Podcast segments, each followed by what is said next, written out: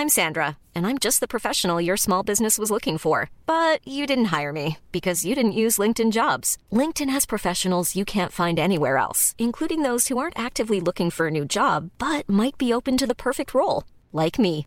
In a given month, over 70% of LinkedIn users don't visit other leading job sites. So if you're not looking on LinkedIn, you'll miss out on great candidates like Sandra. Start hiring professionals like a professional. Post your free job on linkedin.com/people today. When people are happy with risk and embrace risk, then by definition, uh, prices go high.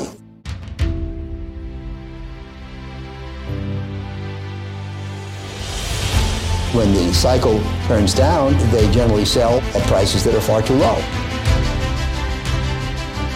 This is not about getting more information. We live in a world where we have too much data. I'm uh, happy to report another stable quarter.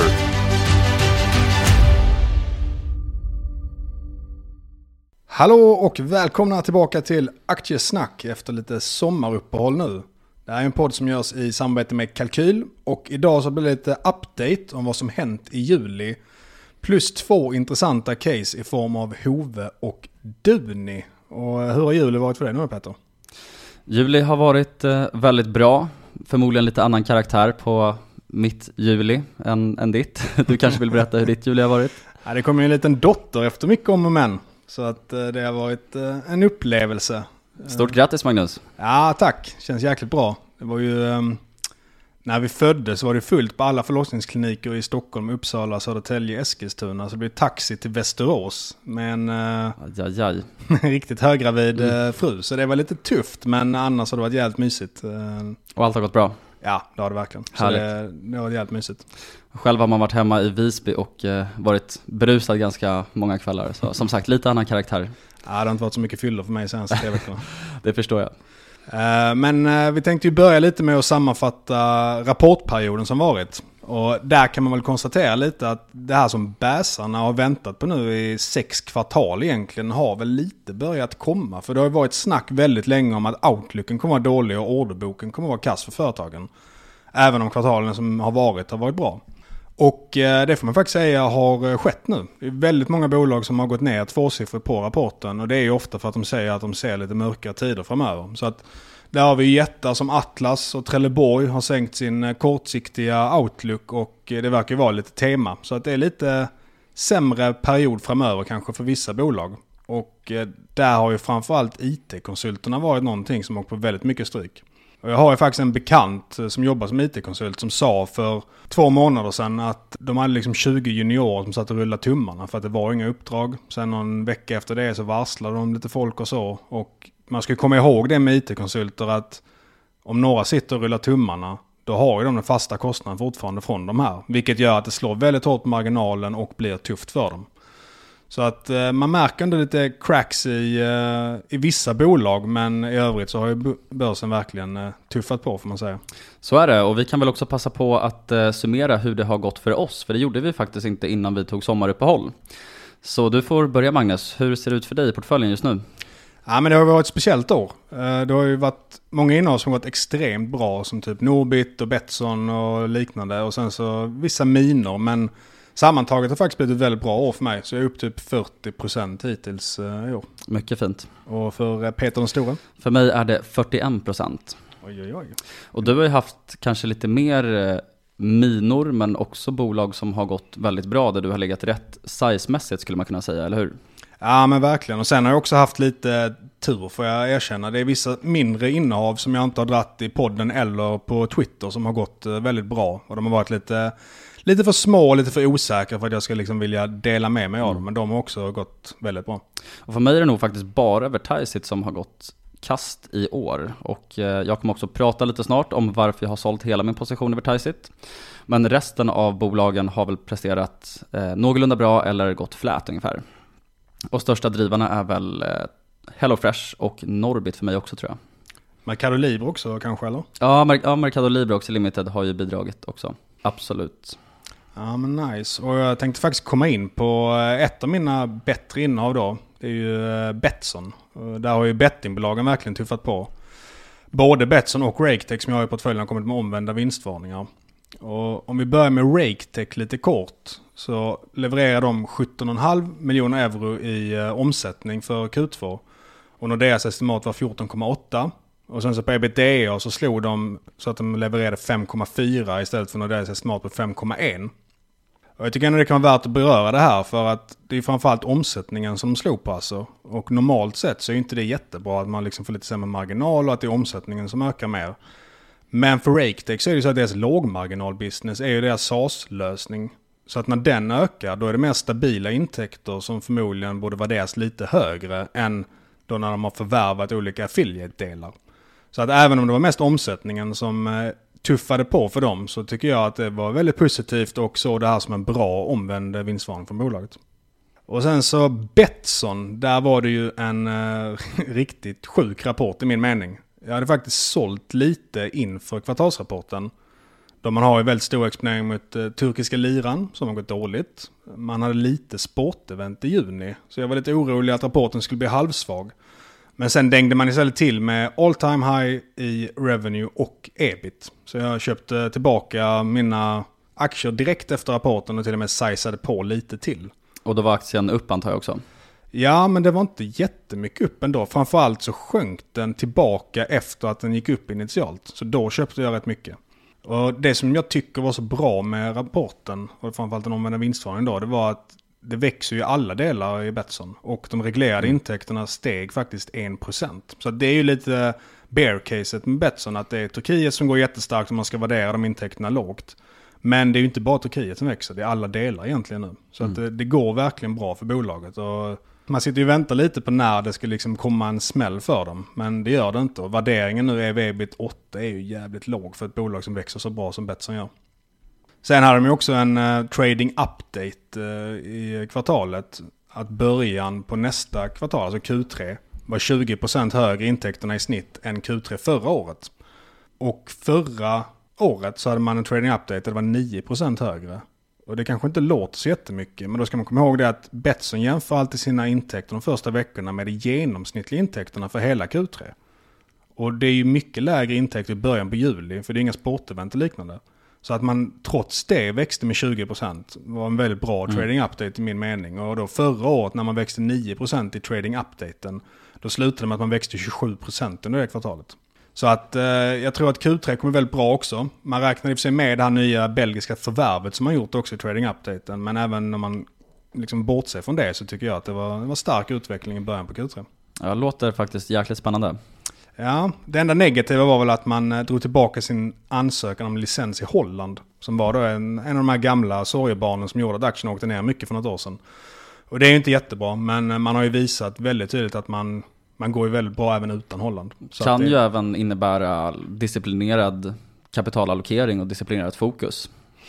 Alltså det är ju, eh, om man ska spinna på det till det bra. Jag tror att det inte är riktigt så. Jag tror snarare det är att de har, de säger ju det själva. Att vi vill inte lägga resurserna där för vi tycker inte att det är värt det. Det är mm. för mycket eh, admin och liknande. Men det känns ändå som att det, är att det kan nog vara svårt för dem att få licens enkelt. Vilket de kanske hade räknat med att det skulle vara lättare. Så att jag tror inte det är jättepositivt men ändå någonting som inte är avgörande för caset. Sen är väl konkurrensen ganska tuff där också?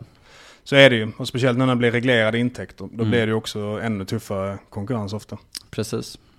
Men jag eh, tänker vi kan gå in lite på eh, Hove kanske. Ett eh, gemensamt innehav mm. för oss faktiskt. Ja men vi börjar där. Och Hove är ju ett danskt nischföretag som föddes i vindkraftsindustrin år 2000 med huvudkontor i Köpenhamn.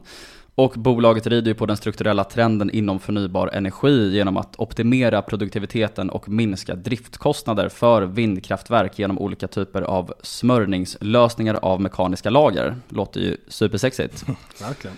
Och Hove hävdar ju själva att man är marknadsledare inom sitt område och i IPO-prospektet så sa man att man hade 40% marknadsandel i slutet av 2020. Och eftersom bolaget då omsatte 103 miljoner danska 2020 så kan vi utläsa att marknaden för det här är väldigt liten. För i slutet av 2020 då så uppskattade alltså Hove själva att marknaden var 260 miljoner danska. Men det här var också räknat på vindkraftverk på 1,5 megawatt eller större ska tilläggas. Och det har ju hänt väldigt mycket sedan IPOn. Och man utökar också hela tiden sin egen TAM då genom nya produkter och nya marknader. Eh, men det är en sak som jag gillar med bolaget i alla fall, att det är väldigt nischat och det är på en liten marknad, för det brukar innebära också lägre risk för konkurrens. Och sen så är det ju alltid trevligt med marknadsledare.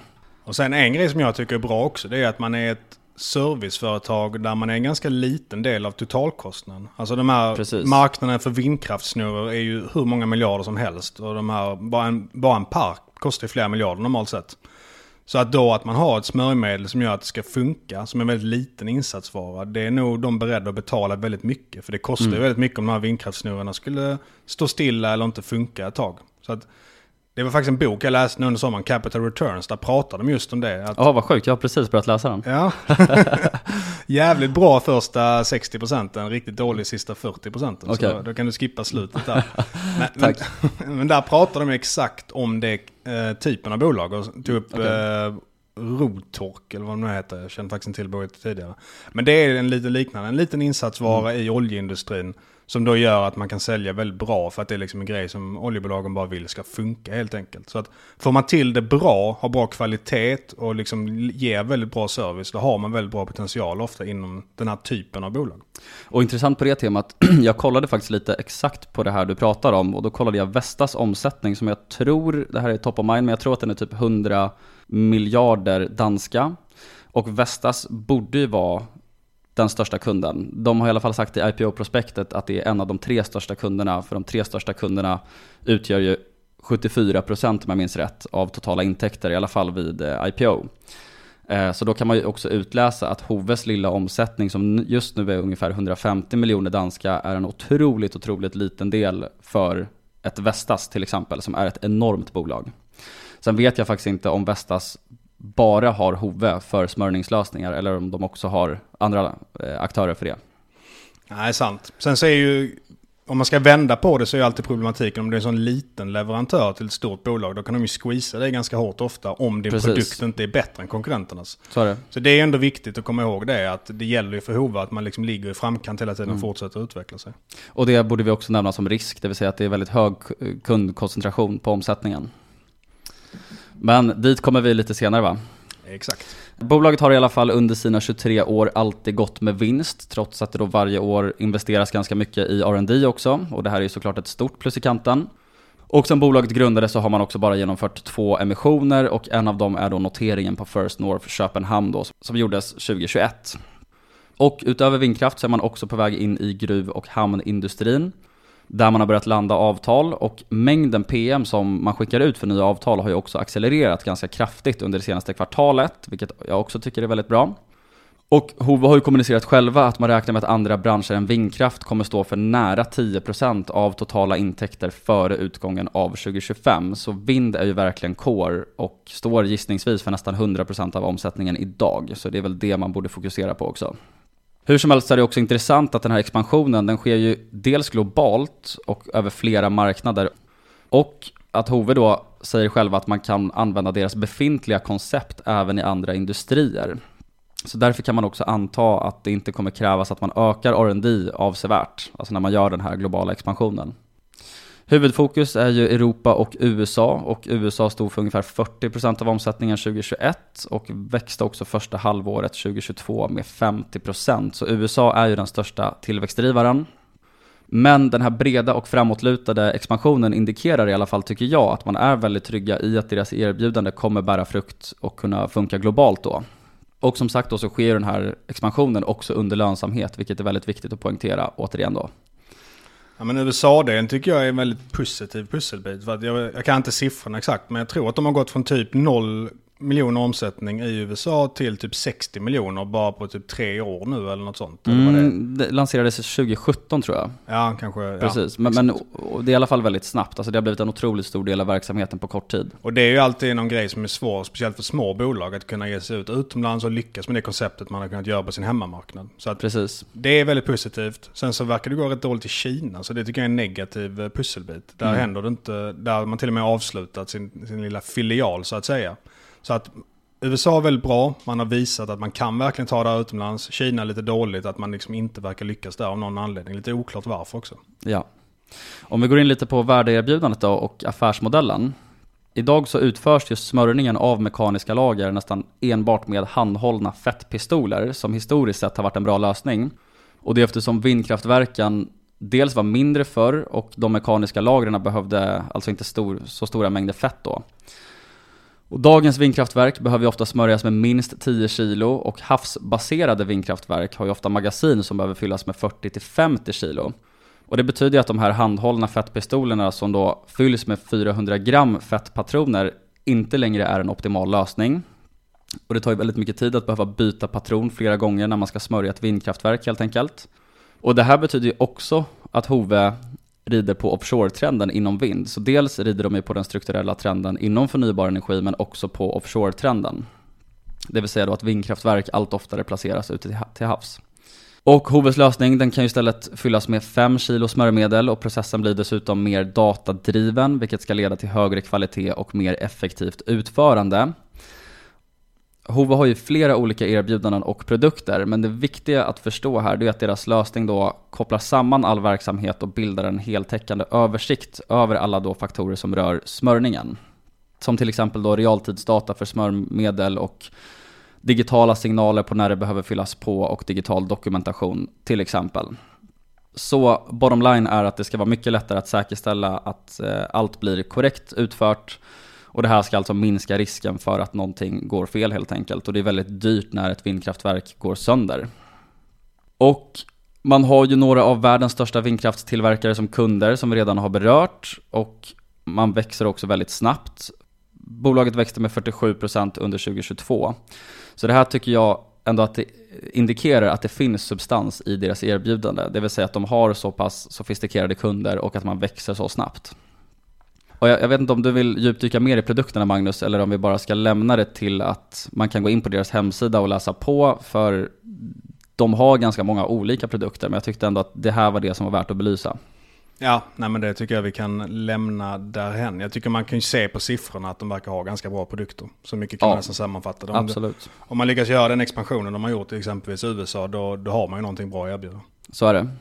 Och det som fångade våra ögon, det var ju, eller jag misstänker att det var samma för dig Magnus, men, ja, det, var, men det, var det, nog. Det, det, var den här uppjusteringen som gjordes. Exakt. Och det var ju typ en månad sedan så guidade de ju upp kraftigt, eh, ebitda framförallt, men också omsättningen. Så man guidade upp från 145 till 160 miljoner danska till 175 till 190 miljoner och ebitda från 9 till 12 till 25 till 30 miljoner. Så ebitda-guidance lyftes alltså med 160% om man då räknar på midpoint guidance. Och när PM publicerades för det här så gick aktien upp 28% samma dag. Och här vill jag också tillägga att HV rapporterar ju halvårsvis, så vi har alltså inte fått se någon rapport än under 2023.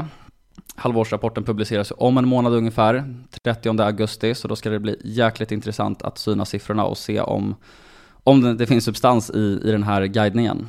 Det är ju rätt sjuk uppguidning med att ebitda ökar så extremt mycket jämfört med omsättningen. Det visar verkligen vilken operational hävstång man har, vilket är fint att se. Precis, jag tänkte prata lite om det också, att man kan ju faktiskt anta att de är rätt långt från peak margin när det skalar så fint som det gör. Ja, men absolut. Och det tror jag också beror på att man under 2022 lanserade den här IoT-lösningen, alltså Hove Smart Lube som den heter. Och det är ju den här lösningen som då ska digitalisera smörjningsprocessen och den har man ju varit i, i kommunikationen har man varit väldigt bullish kring den, men man sa också i årsrapporten 2022 att den inte hade fått det fotfäste man hoppades på initialt, men att man var jäkligt säkra på att 2023 skulle bli året för den här lösningen.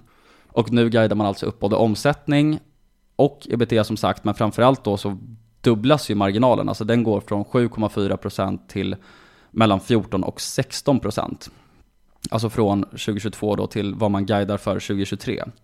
Så jag tycker att det indikerar att Hove Smart Lube kan ha fått ett riktigt, riktigt bra fotfäste. Ja men exakt, det indikerar ju att bruttomarginalen också, för nu snackar du ebitda-marginal, men bruttomarginalen mm. bör ju ha gått upp lite grann i alla fall för att man ska kunna nå de här siffrorna. Absolut.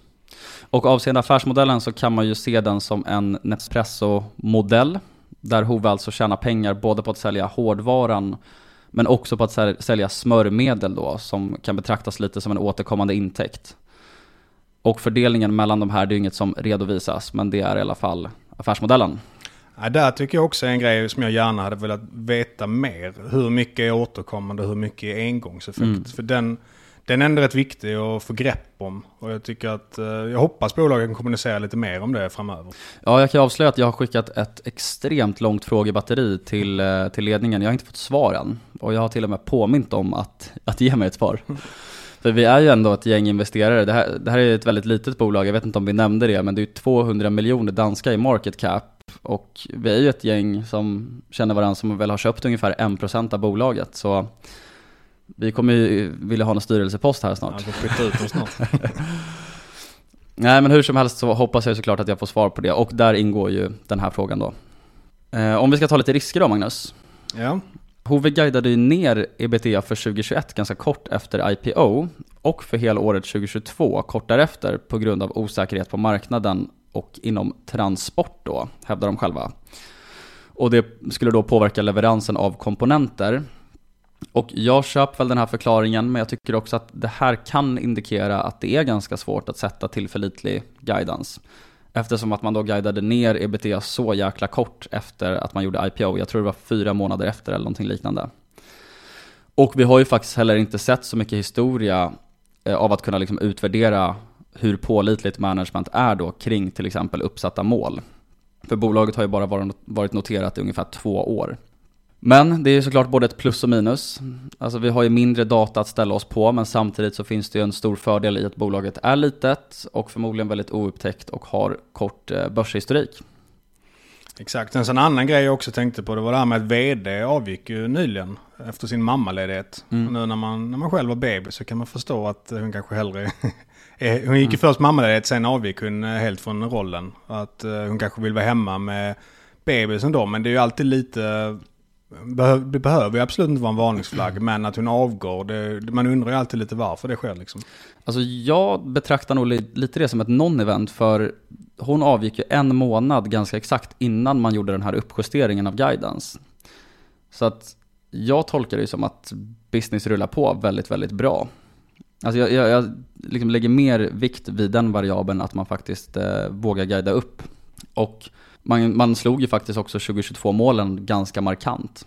Jo men det är ändå en bra poäng, att det har gått eh, bra efter mm. hon lämnade ändå. Så, så det kanske till och med kan vara så att de vill gasa ytterligare och bara inte vara nöjda med henne. Och så är det ju också den viktigaste spelaren i bolaget som heter Hans Christian Hansen som är största ägare med 30% av kapitalet. Eh, det är ju han som har varit största ägare sedan 2009 tror jag, han är inte grundare.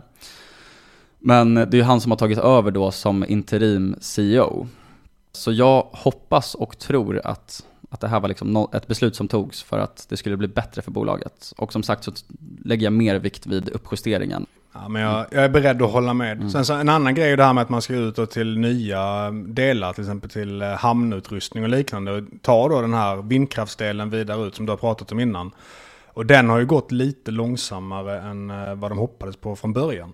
Så det är också mm. en liten risk, men här är det ju ofta som eh, det är när jag gillar ett case att även om den optionen inte går bra så är ju bolaget jävligt billigt ändå. För att på den här guiden som de har, vad är det? Är vi 8-9 nu? Något sånt? 9 kanske? EV ebitda 7, ganska ja. exakt. Eh, och det är på 23, 2023 års och, då. och även om de inte skulle grena ut till nya delar så är ju vindkraftsmarknaden någonting som växer med nästan 10% om året mm. och beräknas göra det i 10 år framöver. Så att man borde ju ha runway för att växa ändå. Kanske inte någon explosiv tillväxt som vi sett i år, men definitivt en tillväxt som motiverar den värderingen. Precis, alltså på guidance så växer man ju omsättningen med 20% tror jag. Och som sagt går marginalen från 7,4 till mellan 14 och 16 procent. Och bolaget handlas alltså på 7 gånger ebitda och 1 gånger sales på 2023 års guidance. Så det är liksom alldeles för billigt om man ändå kan bibehålla det här momentumet i affären. Men hur som helst, tillbaka lite till risker. Vi nämnde det kort innan. Kundkoncentrationen är ju som sagt väldigt hög. Man nämnde i IPO-prospektet att 74% av topline kommer ifrån danska Vestas och tyska Deutsche Windteknikservice och brittiska Invenergy. Men det här är lite av en blackbox och inget man helt säkert kan veta idag. Sen kan det såklart ha skett mycket sedan 2020. Och det här är också en fråga som jag har skickat med i mitt frågebatteri till management, så vi får väl återkomma på den här Magnus. Absolut. Och en annan risk, det är ju att jag vet i alla fall inte hur man trackar insiderhandel i danska bolag, så det kan ju också ha skett mycket med ägarlistan sedan årsrapporten 2022. Och det har ju också legat ett ganska stort säljblock i typ 2-3 veckor i orderboken och det har varit ändå ganska hög omsättning, omsättning i aktien för ett så litet bolag. Jag tror att de senaste två veckorna så har det väl gått ungefär 3-4% och det, det, har liksom legat ett stadigt block ungefär där aktien ligger idag på typ så 8,5 danska. Sen så är det rätt intressant, jag antar att man har det i Danmark också, att man ingår i en tyst period för rapporten kommer ju om exakt en månad så att om det här blocket försvinner imorgon så kan vi anta att det är en insider som har legat och sålt där. Ja, de, jag tror de måste väl insider-rapportera där också. Men... Ja, jag, jag, vet faktiskt inte, jag vågar inte uttala mig om det. Ja. Men, eh, men det är också en grej man ska ta med sig, att det är ju så litet bolag. Så att eh, det är ju en risk i sig också. Att det är låg likviditet. Sen så har ju som du säger faktiskt likviditeten varit väldigt hög i aktien. Mm. Sen den här nyheten kom. Men det är också någonting som små bolag kan alltid eh, hoppa lite mer än vad de större gör. Och för att summera då investment-caset och eh, värderingen så har vi som sagt då på midpoint guidance 2023 en gång i sales och sju gånger ebitda ungefär. Och det här är då för en verksamhet som växte med 47% med stigande marginaler under 2022. Tillväxten 2021 var ju dock flat. Och sen så har vi också att man växer 20% ungefär på guidance 2023. Sen tycker jag också det är värt här att poängtera att guidance för hela året 2023 offentliggjordes ju den 3 juli. Vilket borde innebära att bolaget kan göra ganska bra estimat givet att det är en väldigt kort tidsperiod.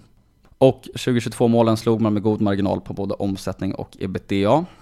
Och sen så tycker jag också det är värt eh, investment-caset att vi kan ju också anta att man är ganska långt ifrån sin peak margin eftersom att 2023 guidance innebär att man går då från 7,4% till någonstans mellan 14 och 16%. Så det indikerar att det finns skalbarhet i affären. Och sen lite tillbaka till det här då att bolaget har ju en nischad produkt på en liten nischmarknad och sen så säljs det också brett geografiskt till några av världens största vindkraftstillverkare. Så det finns verkligen proof of concept och det finns globalt. Och sen så är det också viktigt för investment-caset att bolaget är litet. Det är ganska exakt 200 miljoner danska i market cap. Institutionellt ägande är väldigt litet. Och sen så har de ju också danskt IR-material och det är ett danskt bolag. Och jag vet inte, tyckte du att det var jobbigt att gå igenom deras 2022-rapport eller? jag är ju från Malmö så det var för mig. ja, jag är ju halvdansk. Men all, allting är ju skrivet på danska så det är ja. lite jobbigt. Och den är inte ens sökbar rapporten. Nej, så det är sant. Nej, det var hemskt alltså. Men hur som haver då så, så kan ju det också innebära att färre, det är färre ögon på aktien helt enkelt. Och så är det bara 102 stycken som äger via Avanza. Och när jag köpte aktien, det var ju ungefär två veckor sedan, då var det 40 ägare. Och jag har sett att caset har också börjat florera lite på Twitter. Så det är några, och det har varit med i en annan podcast också hörde jag. Så uh, det har börjat snacka lite om det här caset i alla fall. Ja men exakt, det var ju så vi hittade caset också. Vi såg att det var lite folk som skrev om det på Twitter. Så det är ofta en bra väg att hitta case. Mm. Men bottom line så pekar ju allt på att Hove är väldigt oupptäckt och underanalyserat idag. Exakt, och det riktigt fina tycker jag är egentligen två variabler. Det är strukturell tillväxt och man har en väldigt låg värdering. Precis, sen kan vi också nämna ytterligare två viktiga variabler. Vi har ju insiderägande på totalt 37,4%. Och det är framförallt då två personer som äger. Det är eh, VD då, Hans Christian Hansen som äger 30% och sen 7% av en kille som heter Dennis Schade Forshammer som har varit styrelseledamot sedan 2016 och jobbar som Regional Sales Manager sedan 2012. Och resterande eh, delen av insiderägandet det är då små poster som är ganska jämnt fördelat på både lednings och styrelsepersoner. Sen vill jag också nämna här att eh, CFO, det är faktiskt VDns son. Så att även om han inte äger så mycket själv så är han ju kraftigt incentiverad. eh, annan viktig sak är att balansräkningen ser fin ut. Man har en liten nettokassa slash negativ nettoskuld på 5 miljoner. Och bolaget har då som sagt varit lönsamt alla år sedan det grundades. Och, och en annan viktig sak, många viktiga saker. Eh, det är att capex-behovet ser ut att vara ganska lågt. Det ligger ju på några procent av sales bara. Så att kassaflödet inte har matchat ebitda och ebit för 2021 och 2022, det beror ju främst på förändringar av rörelsekapitalet. Det är då primärt lagret som ökade kraftigt från 2021 till 2022. Så jag gissar att man kommer ha ganska fin cash conversion framåt. Så ja, ett jäkligt spännande case och vi ser fram emot att uppdatera om det här när vi har fått lite mer information också. Definitivt. Då går vi vidare till ett eh, case som är totalt annorlunda. Duni, inget spännande nytt vindkraftsbolag här utan en tråkig gammal dinosaurie egentligen som har varit med länge. Och eh, jag har då investerat ganska tungt i Duni. Jag har skrivit en tråd om det på Twitter så att eh, den här genomgången kommer påminna om den väldigt mycket. Men jag tycker att Duni är ett relativt konjunkturokänsligt bolag som handlas till 9 ev-ebit på min estimat för 2023 vilket är alldeles för lågt jämfört med den historiska värderingen egentligen. Och jag tror att många känner nog till Duni. Det är ju det här bolaget som gör servetter och bordsdukar och det liknande. Och det har ju gjort att de har haft lite av en perfect storm de senaste åren. För att under covid så var det ju i princip ingen som var ute och åt på restauranger och det är där man använder väldigt mycket servetter och liknande. Så det gjorde att försäljningen störtdök. Sen så efter pandemin började släppa, då var det ju så att deras insatsvaror gick upp extremt mycket i pris. Det rusade i kostnaden för el, pappersmassa och frakt och det är de tre största insatsvarorna för Duni. Så det gjorde att kostnaderna ökade jättemycket och det har ju då gjort att man under tre års tid har levererat ganska dåligt. Och jag tror att marknaden har fäst sig lite vid de här tre senaste åren som har ju berott på tillfälliga variabler och inte ser riktigt att det håller på att vända för bolaget just nu. Jag tyckte också att under den här tiden så visar man ändå på en stark eh, pricing power. Man kunde höja priserna ordentligt när kostnaderna ökade för insatsvarorna. Och man har genomfört kostnadsbesparingsprogram nu. Så att även om kostnaderna skulle upp lite grann igen så tycker jag att det finns lite höjd tagen för det genom att man har ökat priset på sina produkter och att man har dragit ner på kostnaderna helt enkelt. Om vi då kollar på de här insatsvarorna så har ju verkligen priset börjat dyka. Eh, priset på pappersmassa är ner 15% sedan toppen. Och när man kollar på forwardkurvor hur det ser ut framöver, då ser det ut som att det ska ner 15% till närmaste fem månaderna. Och en prisskillnad på 5% för pappersmassa ger 28 miljoner kronor i ökad vinst för Duni. Så det är en stor effekt som kommer av det här. Och sen så fraktpriserna är ner 90%. Där har de inte specificerat hur mycket det påverkar vinsten. Elpriset, det vet ju nog alla, till och med vi privatpersoner, var extremt högt under 2022. När det sjunker med 5% så är det 10 miljoner kronor i ökad vinst. Och sen så gynnas man ju också av en svag krona för att man säljer absoluta majoriteten till utlandet. Så att jag, jag har också hört lite folk som varit rädda för caset för att den svenska konsumenten mår dåligt. Men man ska bry sig mycket mer om hur den tyska och internationella konsumenten beter sig. För att den svenska är en väldigt liten del av det. Så att eh, sammantaget så borde de här grejerna leda till att kostnaderna minskar 2023 och vinsten ökar kraftigt. Vilket vi också har börjat se nu i de här kvartalsrapporterna som har kommit. Och sen ska man också tänka på det att det tar ungefär ett kvartal att sälja av lagret som du ni har. Så att de här lägre kostnaderna, det är ju egentligen 3-4 månaders lagg på det innan man ser det i resultaträkningen. Så det gör att man kommer fortsätta se det här under Q3 och förmodligen också under Q4, vilket jag ser positivt på. Och ytterligare en aspekt som jag tycker är intressant, det är hur bra man gick under finanskrisen. Du har faktiskt ett av de få företagen i Sverige som ökade vinsten både 2008 och 2009. Och jag tror att en delförklaring till det är ju det här som vi pratar om, att när det blir lägre priser på pappersmassa, el och så vidare, vilket det blir ifall konjunkturen vänder ner, då ökar helt enkelt vinsten för bolaget. Så det gör att man är ganska konjunkturokänsligt även om man kanske är i en bransch som borde ha ganska hög påverkan från konjunkturen, äta på restaurang och liknande. Så det är någonting som jag tror att en del kan missa när det kommer till caset. Om det är så att alla stjärnor står rätt nu så blir man lite nyfiken på insider-transaktionerna, så hur ser det ut? Ja, men det är tre insiders som har köpt i Q2. Inga jättesummor men eh, både vd och CFO har köpt. Så det ser jag som positivt. Och sen så ägarbilden det är inte jättehögt insiderägande i management och liknande, men styrelseordförande äger 30% av bolaget. Right. Så det är ändå en hyfsad pilotskola på det hela. Absolut. Och sen kanske jag inte har sagt det att det är klart att det kommer inte bli så att om pappersmassapriserna fortsätter ner till hälften av de är idag, att de kommer kunna sälja servetter för samma pris dun idag som de gör idag. Utan då kommer såklart priserna på det gå ner också. Så det är inget det är inget spel på att marginalen kommer bli oändligt bra, utan det är mer att den ska gå tillbaka till vad den var tidigare. För att kollar man 2014 2019, då låg den på 11-15%. Och på rullande 12 nu så ligger den på 10.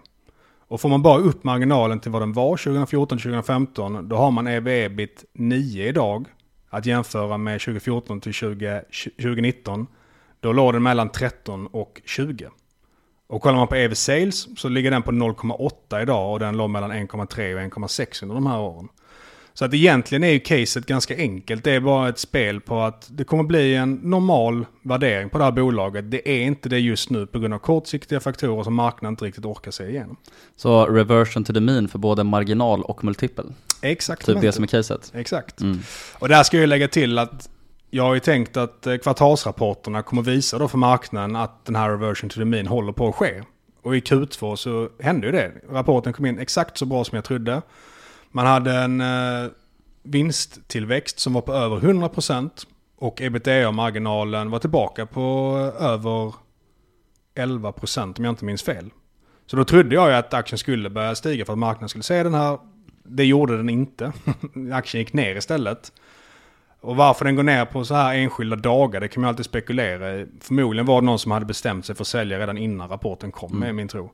Men det är ju lite ja, en negativ bock i kanten. Att jag, jag trodde ju att det här skulle göra att aktien gick upp, men det gjorde inte det. Så att vi får se hur det blir med Q3. Jag tror att den rapporten kommer bli väldigt bra också. Men eh, ja, återstår att se om marknaden orkar fatta det.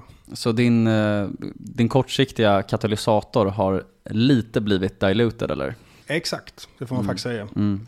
Men sen kanske det är så att marknaden vill ha något kvartal till och säga att det verkligen händer. Så kan det ju vara ibland. Precis. Man tänker en gång är ingen gång och så vågar man inte riktigt uh, ta det på allvar. Mm. Ja, det är väl det som är det tuffa med aktier. Det vill säga att, att hålla i. Och uh, sen också Q3 tror jag kommer att bli bra för man kan tracka hur mycket folk går på restauranger i Tyskland och liknande. Och där ser man en ökning year on year. Så att det blir en ökning year on year i restaurangbesök, vilket borde göra att man säljer kanske lite mer i volym samtidigt som då kostnaderna har gått ner ordentligt. Och Q3 är ett väldigt bra kvartal säsongsmässigt. Så att eh, jag, ställer förhoppningen till att Q3 kommer kunna vända på skutan i alla fall.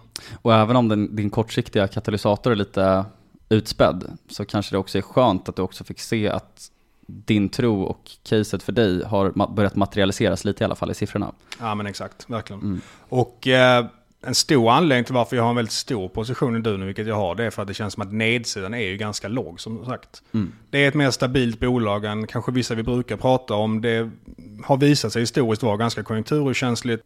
Så därför så känner jag mig bekväm i innehavet. En tråkig, sexig business. Exakt, riktigt jävla tradig. Mm. Jag nämnde faktiskt inte det, men jag har ju tagit en signifikant position i Hove. Och Magnus har också tagit en position. Exakt. Eh, men eh, tillbaka till Duni. Så eh, lite det här med kassaflöde som vi pratat om. Jag tror att nettoskulden kommer minska också under året. Eftersom man hade ett litet extra lager nu när det var svårt med leveranstid och liknande. Frakten var jobbig.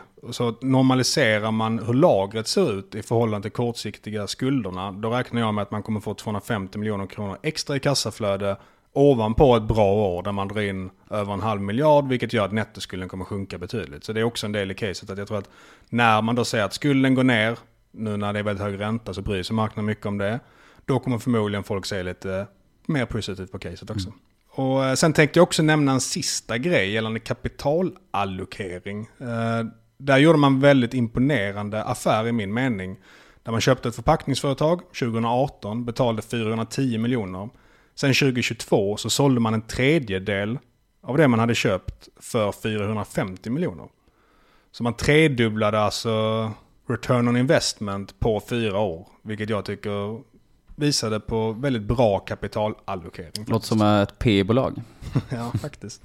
Det var den negativa. De anlitade P-bolag för att göra transaktionen och betalade jävligt mm. mycket för det. Så det var lite negativt. Men eh, sammantaget var det här en väldigt fin transaktion. Ja, mycket ja, men, fin pitch. Ja, men så sammantaget ska man sammanfatta caset. Jag tror inte att Dun är en uh, Tenberg de kommande tio åren. Det här är ingenting som kommer bli nya Evolution. Men det är en play på reversion to the mean helt enkelt. Och med EV-ebit på 9 för 2023 så tycker jag att det är en för låg värdering på det här caset helt enkelt. Då har vi varit ganska håsade på två case nu, så nu tänkte jag inte vara lika håsig och istället vara lite bearish. Och jag ska pr prata lite om Vertisit som vi har pratat om i podden ganska mycket tidigare. Och Vertisits rapport var en ganska stor besvikelse för mig och för marknaden. Aktien var ju ner 12% på rapportdagen och är nu ner ungefär 15% sedan rapportsläppet. Och jag sålde hela min position efter rapportsläppet och nu ska jag helt enkelt förklara varför. Och för mig är det tydligt att aktien har det kämpigt på grund av två saker. Det är dels kassaflödet som har varit riktigt uselt de senaste två kvartalen. Och sen så är balansräkningen väldigt ansträngd. Och en viktig del för mig, som många lyssnare känner till vid det här laget, är ju att tillit till management är väldigt viktigt och de har rent krast inte levererat på det som har sagts då de senaste kvartalen. Vad är det som de inte har levererat på specifikt? De har till exempel sagt då att lagret ska minska, men det har ökat istället och även då att den här eh, softwareövergången, att alla dotterbolag i Vertiseit ska över till samma mjukvarusystem, att det skulle vara klart och att kostnaderna för det skulle minska. Men eh, det är alltså fortfarande inte klart. Så det är framförallt de två sakerna. Jag kommer komma tillbaka lite till management follow-upen. Jag har faktiskt en riktigt spännande diskussion på gång där. Ja, intressant. Mm. Hur som helst då, eh, kassaflödet var ju kraftigt påverkat av förändringar i rörelsekapitalet framför allt. Och det betyder alltså att lager har ökat och att leverantörsskulderna har minskat. Och kundfordringarna var ju också upp kraftigt i Q1, men normaliserades då lite det här kvartalet. Så från årsskiftet räknat så är det alltså en ökning i lagret och minskade leverantörsskulder som då har påverkat kassaflödet mest till det negativa. Men i den positiva vågskålen så växer ju ARR fortfarande typ som en klocka och den fortsätter tuffa på omkring 4,7% sekventiellt vilket då motsvarar en årlig organisk tillväxttakt om 20,2%. Och några saker som också är positivt som egentligen pekar på en potentiell catch-up-effekt i Q3 det är att Q3 generellt är starkt marginalmässigt för SaaS-bolag och Vertiseit slog också marginalrekord förra året i Q3. Och ITS, som är en verksamhet som man fick med sig när man köpte MultiQ, det ska alltså bli sålt under 2023 enligt kommunikation från ledningen. Och arbetet med det har ju pågått sedan man köpte MultiQ, så att det skulle kunna ske vilket kvartal som helst. Och det kommer bidra med ungefär 15 miljoner i kassaflöde. Och sen så kommer också rörelsekapitalet förmodligen normaliseras ännu mer på grund av kraftigt minskade leverantörsskulder i Q2 och eftersom ledningen då har sagt två kvartal i rad nu att kundfordringarna ska normaliseras. Och den här tillfälligt högre nivån då hävdar ledningen är hänförligt till det här pågående bytet av ERP-systemen. Och investeringarna i software och ERP då, de borde också minska. Så allt det här borde kunna bli någon typ av catch-up-effekt för kassaflödet i Q3 eller Q4. Men de tre sista punkterna här, de hoppades jag att de skulle införlivas i det här kvartalet. Så caset känns egentligen precis som efter Q1 nu tycker jag. Förutom att balansräkningen blir ju mer och mer ansträngd desto längre tid det tar att normalisera rörelsekapitalet och desto längre tid bolaget har negativt kassaflöde såklart. Och konjunkturen och makroläget gör ju här också att det gör ännu lite ondare att sitta på en så ansträngd balansräkning.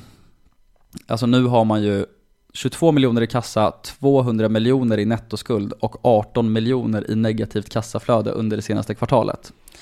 Ja, speciellt när man är så litet företag i den här marknaden så blir finansieringen väldigt hög. Eller finansieringskostnaden blir ju väldigt hög.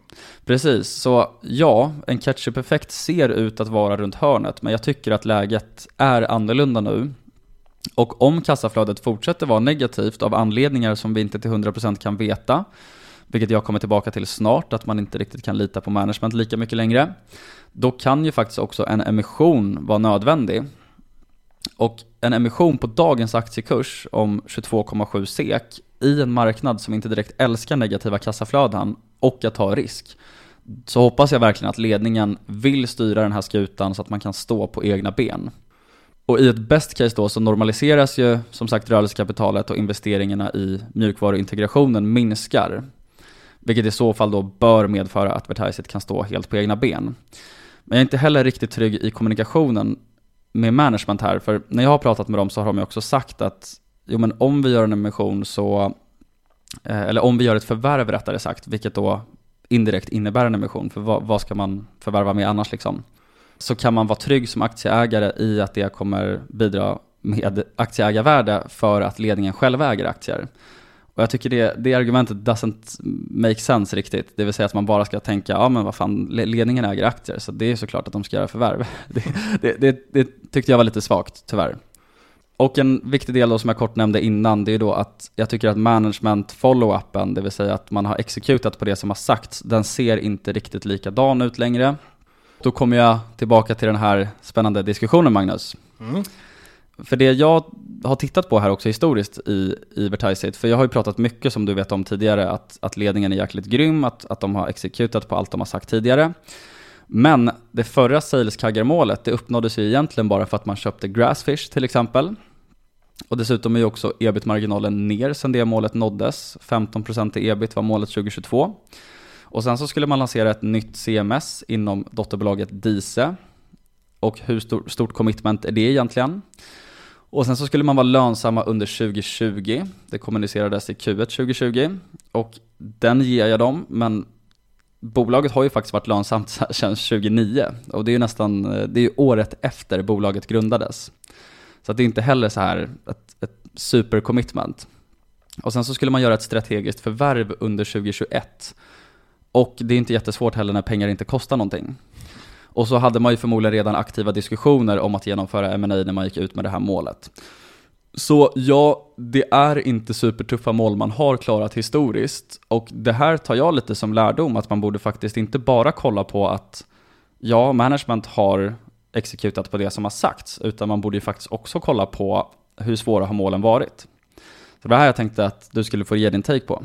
Ja men intressant eh, frågeställning. Jag har inte funderat över lite men eh, du har ju en poäng i det. Och sen så också en grej som jag har tänkt på med Vertiset är att de snackar väldigt mycket ebitda samtidigt som de aktiverar mycket.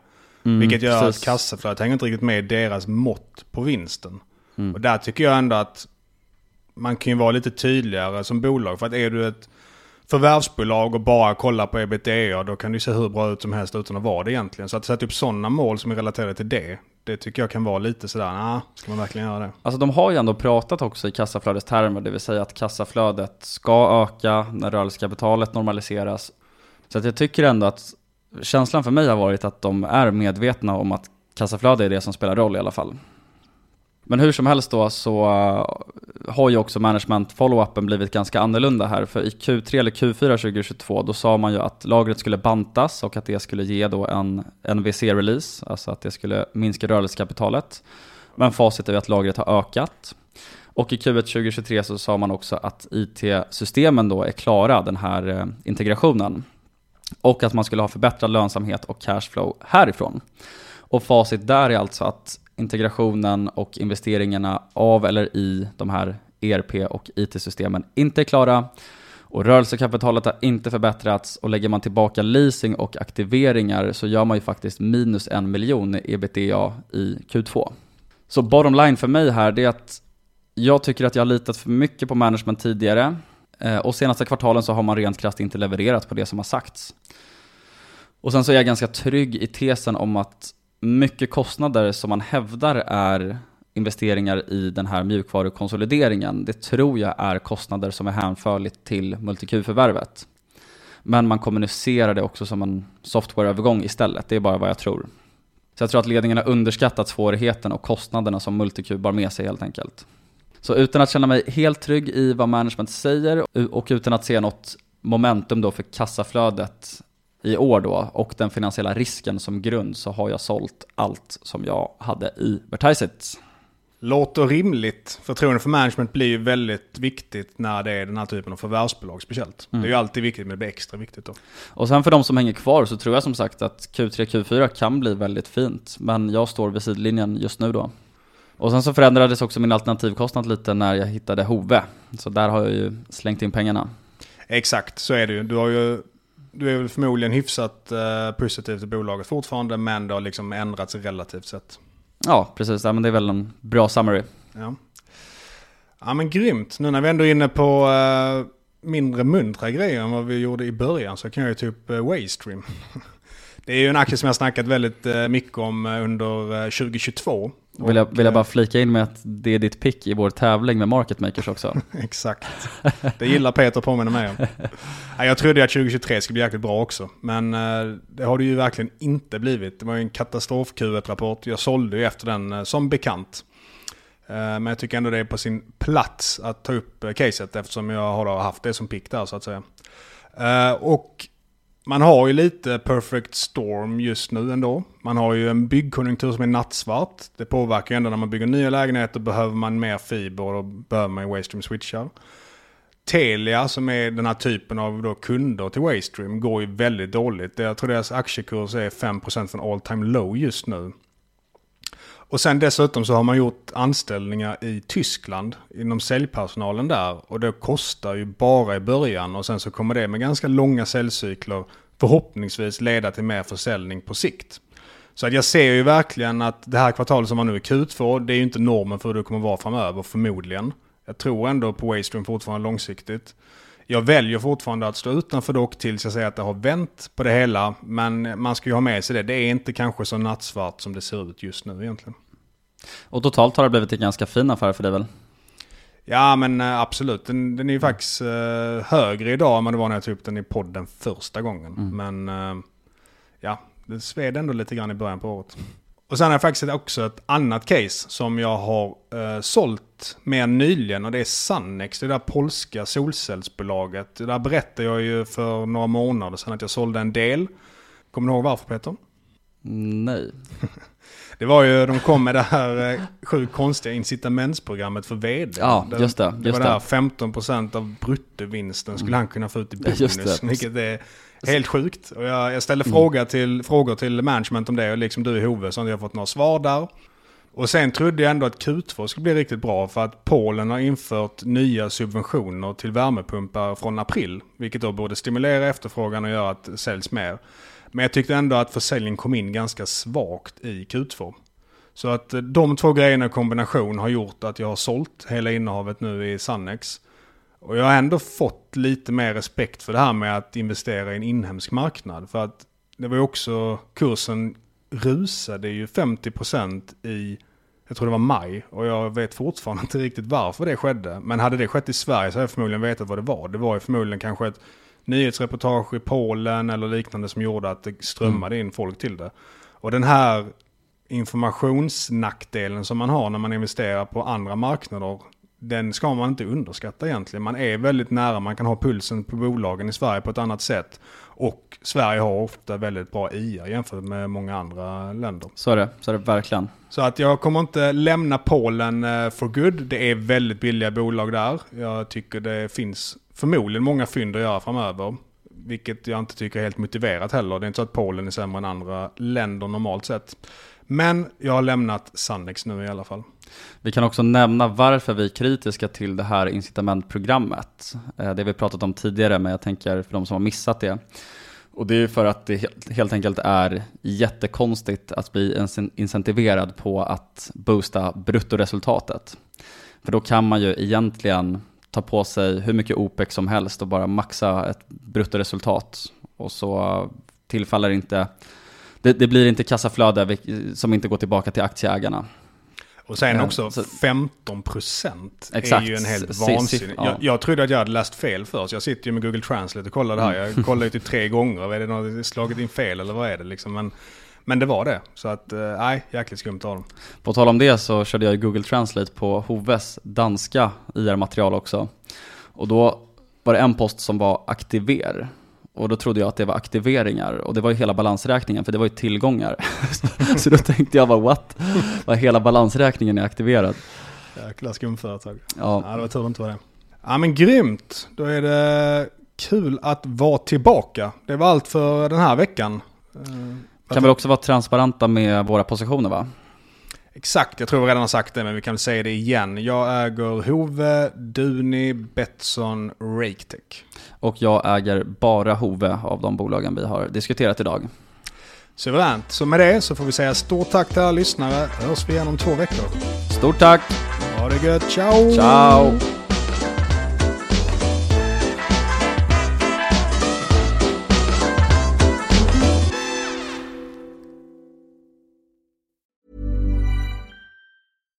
Mom deserves the best, and there's no better place to shop for Mother's Day than Whole Foods Market. They're your destination for unbeatable savings, from premium gifts to show-stopping flowers and irresistible desserts. Start by saving 33% with Prime on all body care and candles. Then get a 15-stem bunch of tulips for just $9.99 each with Prime. Round out Mom's menu with festive rosé, irresistible berry chantilly cake, and more special treats. Come celebrate Mother's Day at Whole Foods Market.